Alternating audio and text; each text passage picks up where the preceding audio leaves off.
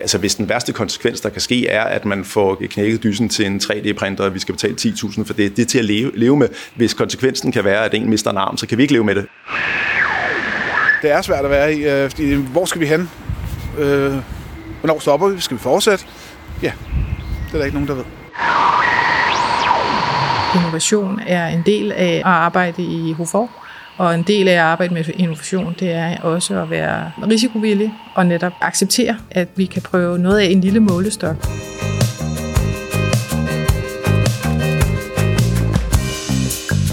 Nogle gange skal man prøve noget nyt. At tage en ny idé og omsætte den til handling. Det skal vi også i HOFOR. Men hvor langt skal vi egentlig gå for at være innovative? Og hvor er vi det allerede? Det undersøger vi i dette afsnit af Vores Viden, Vores Ansvar i dine ører.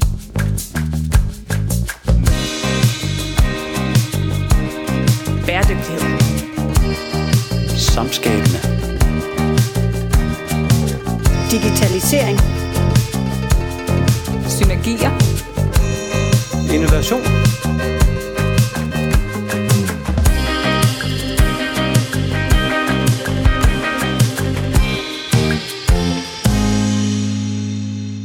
I dag skal vi tale om innovation. Vi skal tale om, hvad det er, hvad det kræver, og hvordan vi får endnu mere af det i HFOR. For innovation er ikke fremmed for os. Vi har masser af gode eksempler på innovative løsninger fra HFORs hånd.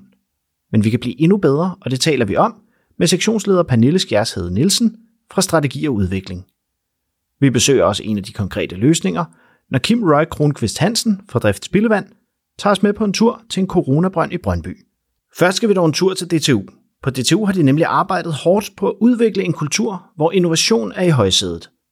Derfor besøger vi Mikkel Sørensen, der er direktør for Innovationscentret DTU Skylab, og hører, hvad han mener er det centrale i at skabe en innovationskultur.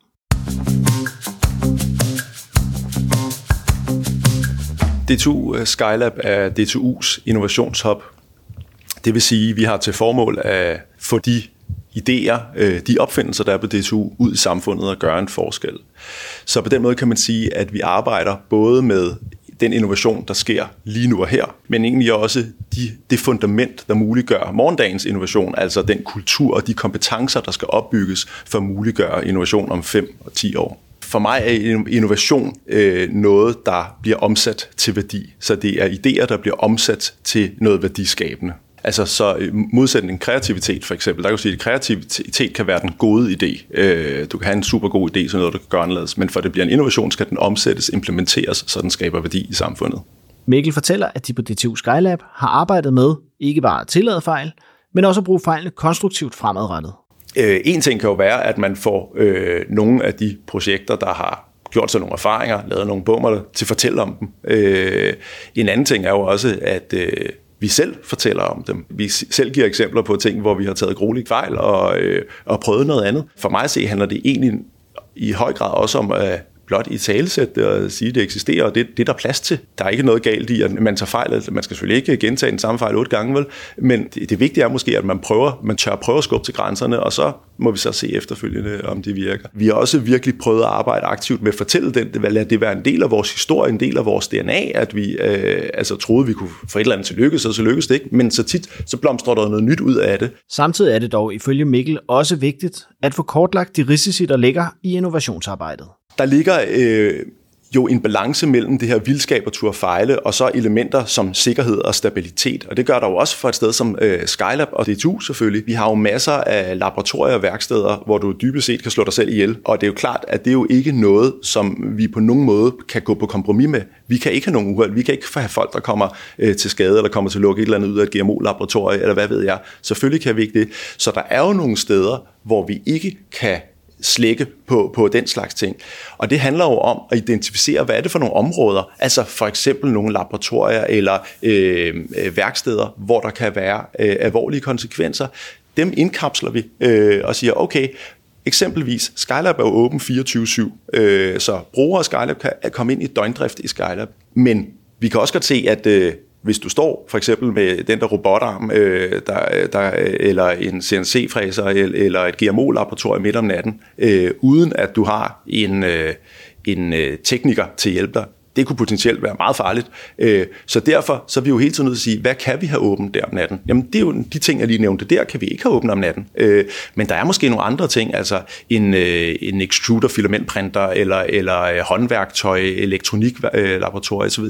Ikke farligt, så det kan vi godt holde åben. Så det er jo hele tiden en, en, en vurdering af, hvor er det, der kan opstå øh, alvorlige situationer, og hvad er der egentlig noget, hvor, hvor øh, altså hvis den værste konsekvens, der kan ske, er, at man får øh, knækket dysen til en 3D-printer, og vi skal betale 10.000 for det, det er til at leve, leve med. Hvis konsekvensen kan være, at en mister en arm, så kan vi ikke leve med det. Så det er hele tiden at lave den øh, løbende mapping, og rigtig meget kan godt pågå i en form for vildskab, selvom der er nogle steder, hvor man siger, her skal vi virkelig indkapsle det og, og have en risikovurdering på det.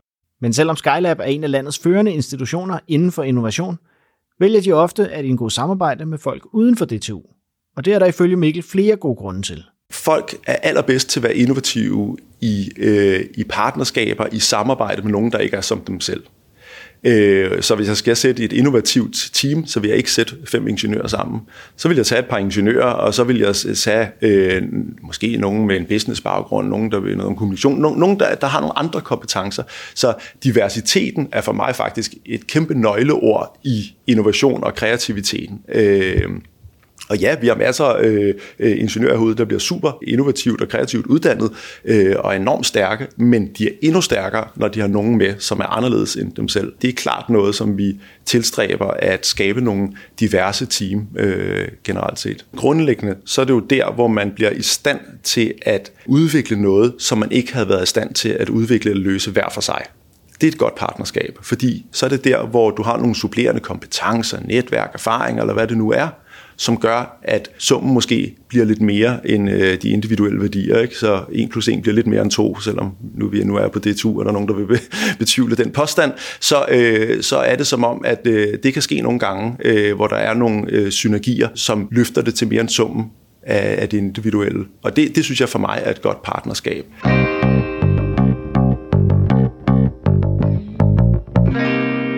Noget af det, Mikkel fremhæver som vigtige elementer i at få en god innovationskultur, er altså, at man tør fejle, og at man tør kaste sig derud, hvor man måske ikke har 100% styr på alle de små detaljer. Samtidig peger han på, at det gode innovationspartnerskab sætter begge parter i stand til at gøre ting, som de ikke selv kunne have gjort. Det næste interview er et godt eksempel på netop det. HFOR er nemlig gået sammen med først Københavns Kommune og siden Statens Serum Institut om at teste for corona i spildevandet – og selvom det ikke har været nemt hele vejen, er det alligevel en situation, hvor 1 plus 1 giver mere end 2. Vi er taget til Brøndby for at møde Kim Roy Kronqvist Hansen, der er sektionsleder i Driftteknik Spildevand. Han står sammen med specialarbejder Charles Potts Nordgert, der er i fuld gang med at hive testudstyret op af brønden.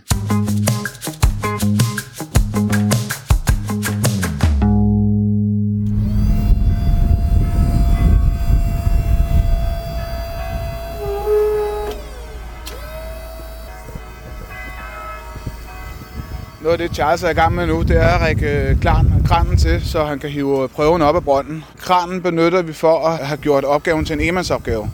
Han stod med det i håndkraft og skulle ligge ind over brønden og hive udstyret op. Så har det været nødt til at være en, øh, en, en mand ved siden af til at holde øje med, at Charles ikke falder ned i brønden.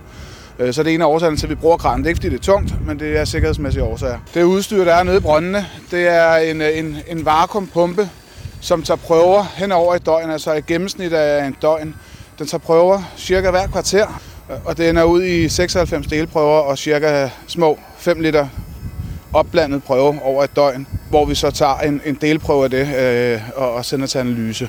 Det her sted, vi står på nu, det er et ud af 12 steder, som er en del af den nationale test. Og der kører vi ud tre dage om ugen og henter prøverne hjem. Udstyret er, er installeret med, med et urværk i, så vi kan programmere det fra gang til gang, at det starter dagen før så vi skal ud og starte anlægget op først, og så komme ud dagen efter og, og hente prøverne, så vi kan forberede det fra gang til gang, så vi kun skal ud de tre gange om ugen. Nede i brønden, der har vi hængt selve vakuumpumpen op, prøvetagerne op. Den hænger i et, øh, i et beslag, som er specielt øh, fremstillet til at kunne hænge i brøndkarmen, øh, så vi ikke skal bore alle mulige ting fast inde i brøndkarmene for at hænge det op. Og der hænger den i et ganske simpelt beslag, som er spændt ud på karmen, og så en lille kæde, alt efter hvor, hvor dyb brønden er. Nogle steder er brøndene ret dybe, så vi er nødt til at sænke prøveudstyret i en kæde, for at det kan trække vandet op. Øh, men det kunne godt minde lidt om øh, en gammel nilfest støvsur, når man hiver den op. af udseende. Og arbejdet med at teste spildevandet for coronavirus har allerede ændret sig meget siden starten, fortæller Kim. Det hele startede jo tilbage i, i ja, hvad var det, april, maj måned, hvor den Københavns Kommune kom og spurgte os, om vi ville hjælpe dem med det her pilotprojekt, hvor vi startede op ude i øh, Nordvestkvarteret. Og skulle egentlig ud og teste øh, cirka øh, 10 steder, 9 steder tror jeg det var, øh, hver dag, i, øh, hver dag i løbet af ugen i en måned i første del, eller første fase af pilotprojektet. Øh, så vores første udfordring, det var jo faktisk at finde mandskabet, fordi det var noget, der kom sådan lidt ud af den blå luft, øh, at de kom og spurgte os, om vi ville hjælpe, og selvfølgelig ville vi gerne hjælpe vores ejere med, med det her projekt. Øh, det var interessant, om det var noget, der kunne bruges. Københavns Kommune ønskede jo at, at se, om de kunne, kunne sidestille det med alle de her øh, humane tests, der var PCR-test og kviktest og sådan noget, fordi vi røg ind i en periode, hvor folk blev testet mere, mindre og mindre og mindre, og så ville man jo kigge på, om, om det var noget, man kunne sidestille med det. Udover det, så var der også forlydende om, at at corona kunne spores i, i afføring op til cirka syv dage, før man selv mærkede symptomerne. Så det var også noget, de målte på. Jamen er det noget, vi kan se, at der sker noget i et område lige om lidt, der begynder det at udvide, udbrede sig. I pilotprojektet støtte Kim og hans kolleger på en lang række udfordringer. Det har givet værdifulde erfaringer, som holdet har taget med til det større nationale projekt. Vi har haft øh, i, i den allerførste pilotprojekt med Københavns Kommune, som kørte til at starte med, der havde vi noget udstyr, som vi lejede af nogle andre, og det var noget øh, forældet udstyr, som ikke var særlig brugervenligt. Vi havde utrolig mange fejl på det. Øh, det stoppede til, det kunne ikke suge op i højden. Øh, det kunne ikke programmeres, som det her kan, så der skulle vi ud hver dag og starte anlægget for dagen efter og, og hente prøven. Øh, Det, ja, som jeg siger, det havde ikke en særlig stor sugehøjde, så, så det var ret tit, at den, øh, i det vi har mange dybe brønde i København og omegn, så kunne den simpelthen ikke suge det op. Så i, i den første periode med Københavns Kommune, pilotprojektet, der lavede vi test på flere forskellige udstyr, som vi øh, var ude at lege af andre virksomheder, for at finde ud af, at det her faktisk var den, der var bedst for os. Og til pilot og til øh, det nationale projekt, der har vi jo så været ude og investere i 14-15 anlæg. Så vi har også lidt i reserve til, øh, til, når noget af det går i stykker. Og det gør det. Det går i stykker. Pumperne går i stykker en gang imellem. Igen, det er ikke et rent medie. Der kan ske ting inde i maskineriet på den, som gør, at vi er nødt til at sende det til reparation. Men i det, vi har nogen stående i reserve, jamen, så kan vi ret hurtigt få koblet om, så vi får prøver igen. Og det var ikke kun udstyret, men også problemer med at skaffe tilstrækkelig bemanding, der gav udfordringer i starten af projektet. Og i starten, der havde vi ret travlt. Altså igen, vi skulle ud og finde noget mandskab, som ikke bare hang på, på bøjler inde i skabet. Øh, de skulle ud og findes og tages væk fra nogle af de vante opgaver. Øh, det var en udfordring, fordi det skulle køre alle ugen syv dage. Det vil sige lørdag, søndag, helligdag. Alle tidspunkter skulle vi ind og finde mandskab til det. Men øh, der synes jeg, at, at, at øh, mine driftkollegaer var rigtig, rigtig gode til, at- til at hjælpe mig med at, at få mandskab ind. Og det helt store spørgsmål er nu, hvad der skal ske med projektet i fremtiden. alt udstyr, øh, vores tidsforbrug, øh, reparationer, alt, det er noget, som øh, staten dækker. Og, og lige nu kører vi, øh, er de ved at evaluere den første del af, af det nationale projekt, som har kørt fra, ja, hvad var det, slut juli, start august, og så frem til i dag. Øh, der forventer vi at se en rapport her i løbet af, af marts måned på, hvad, hvad de ser af muligheder i det her, om det er noget, der skal fortsætte eller ikke skal fortsætte. Men det har også været en af udfordringerne med, at vi har ikke rigtig kunne fremsige, jamen, hvad er det, der skal ske? Hvor meget tid skal vi bruge? Skal vi ansætte folk til det her? Øh, fordi det har hele tiden kørt på sådan nogle øh, ja, 3-4 måneder ad gangen, og får vi for at vide, om, om vi skal køre videre eller ikke skal køre videre. Det er svært at være i, øh, fordi hvor skal vi hen? Øh, hvornår stopper vi? Skal vi fortsætte? Ja, det er der ikke nogen, der ved.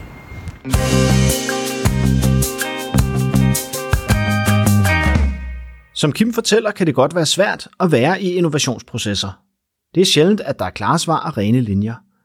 Men han fortæller også, at vi kan være stolte af de resultater, vi har leveret i coronaprojektet, og at det har fået hans kolleger i andre afdelinger til at stå sammen om at komme i mål. Men coronaprojektet er jo bare et projekt.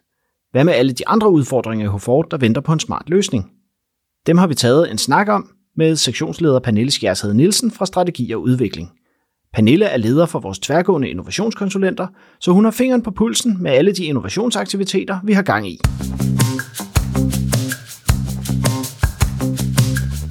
Ja, som det første, Pernille, innovation har været det begreb, vi ligesom øh, har været ude at undersøge.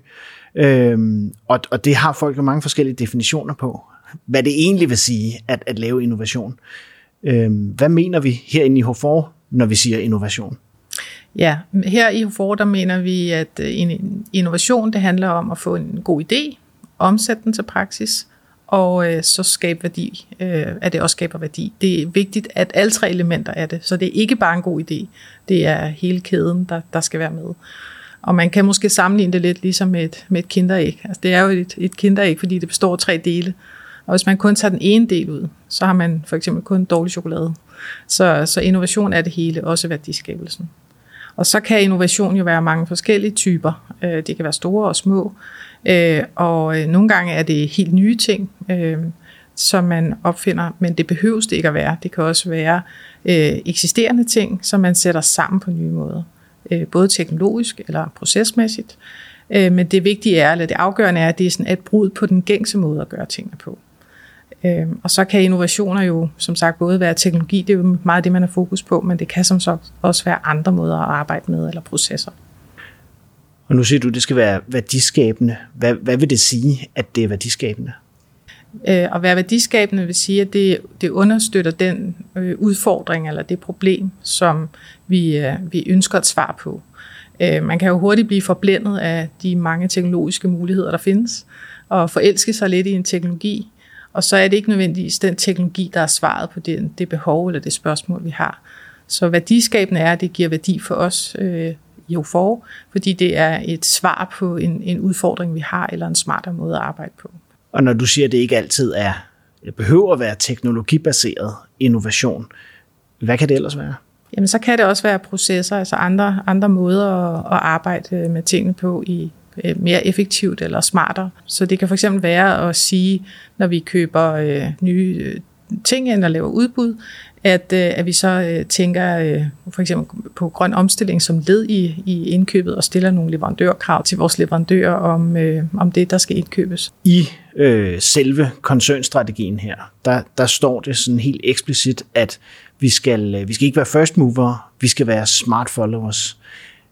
Kan du prøve at forklare lidt, øh, lidt nærmere, hvad, hvad vil det sige? Det vil sige, at, at vi er balanceret i forhold til den risiko, vi tager. At vi tager øh, nye, øh, for eksempel teknologi eller nye løsninger ind, når det er modnet, altså når det er klar til at, øh, at, at være, være anvendelsesklar. Så vi tager ikke noget ind, der er uprøvet. Øh, vi kan godt være med i test eller piloter i at prøve noget af, men inden vi implementerer noget eller forankrer noget, så er det vigtigt, at det er modnet, øh, og at vi jo tit også, når vi er smart følger, så er det jo fordi, vi gør det sammen med nogle andre.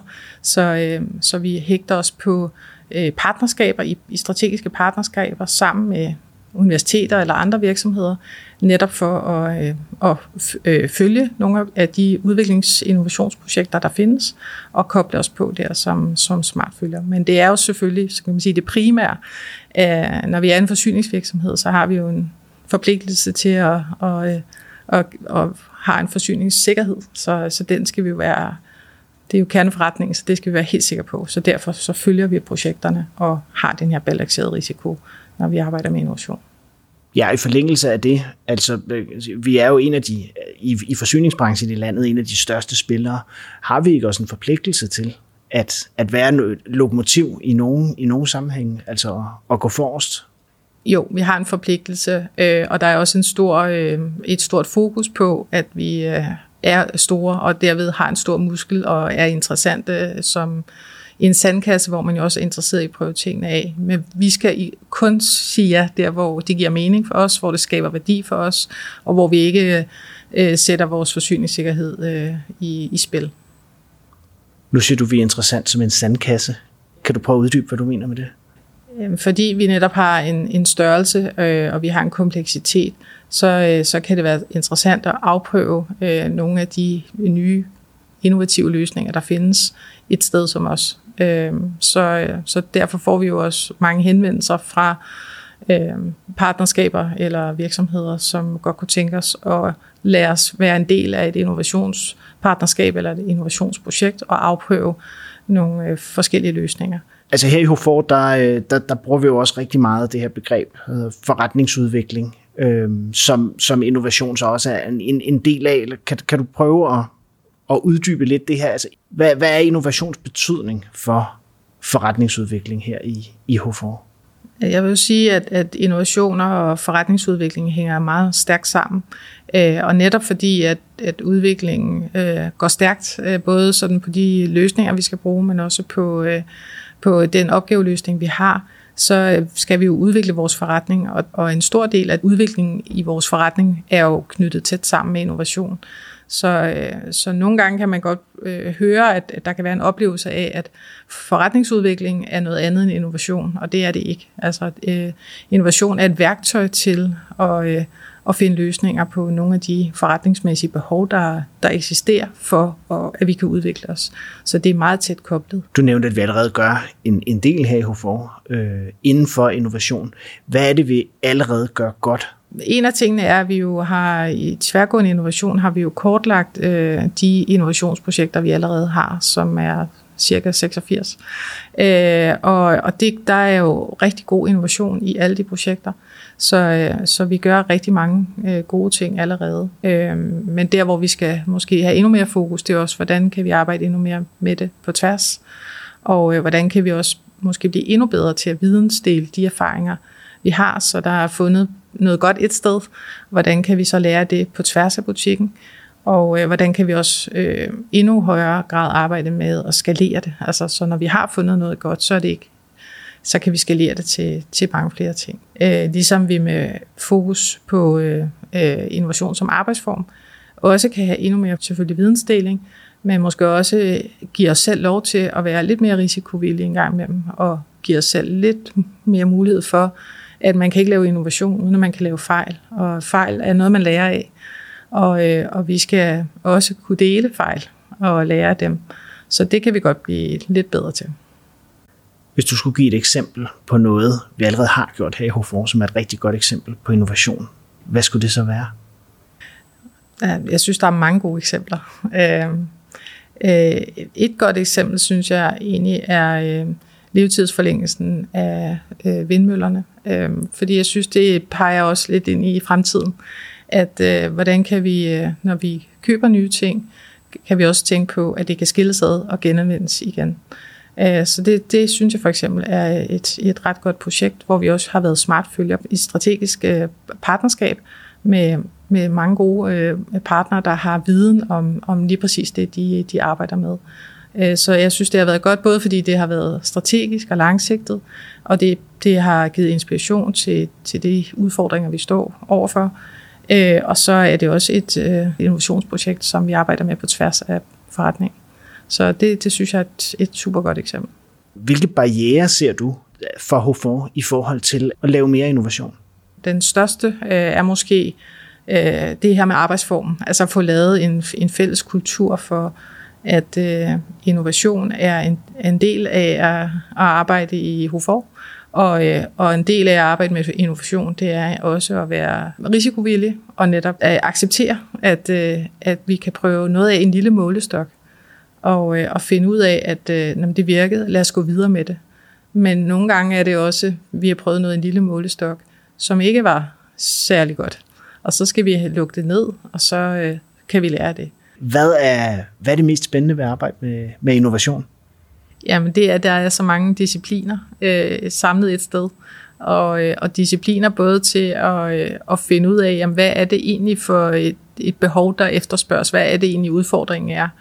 Og jeg synes, at det er super spændende at, at prøve at matche det med at få det omsat. Altså fordi man kan have en rigtig god idé, men hvordan er det så, at vi omsætter det til noget, som, som kan bruges lige præcis her? og ikke bare bruges, men også skaber en værdi. Hvad er det sværeste ved at arbejde med innovation? Det samme. Så kom vi rundt om fokusområdet innovation i partnerskaber. Som Pernille siger, er det et komplekst område, hvilket på en og samme tid gør det meget spændende og meget svært at arbejde med. Men arbejde med det, det skal vi. Vi skal turde tage chancer og fejle på de områder, vi har defineret som spillebanen for innovation. Vi skal blive bedre til at tænke innovation på tværs af organisationen, og så skal vi blive ved med at lede efter de krydsfelter, hvor gevinsterne er store og risikoen er til at håndtere. Vi har nemlig en forpligtelse til at udvikle forsyningen en god idé ad gangen. I næste episode tager vi fat på det sidste fokusområde i strategien, nemlig digitalisering som drivkraft. Hvis du har kommentarer til podcasten eller idéer til gode vinkler på strategien, hører vi meget gerne fra dig. Du kan som altid skrive til os på kommunikation Podcasten er produceret, klippet og redigeret af os i Kommunikation. Podcastredaktionen består af Dorte Fris, Chris Hansen og mig selv Michael Tornsberg. Tak for at du lyttede med, og på genhør næste gang.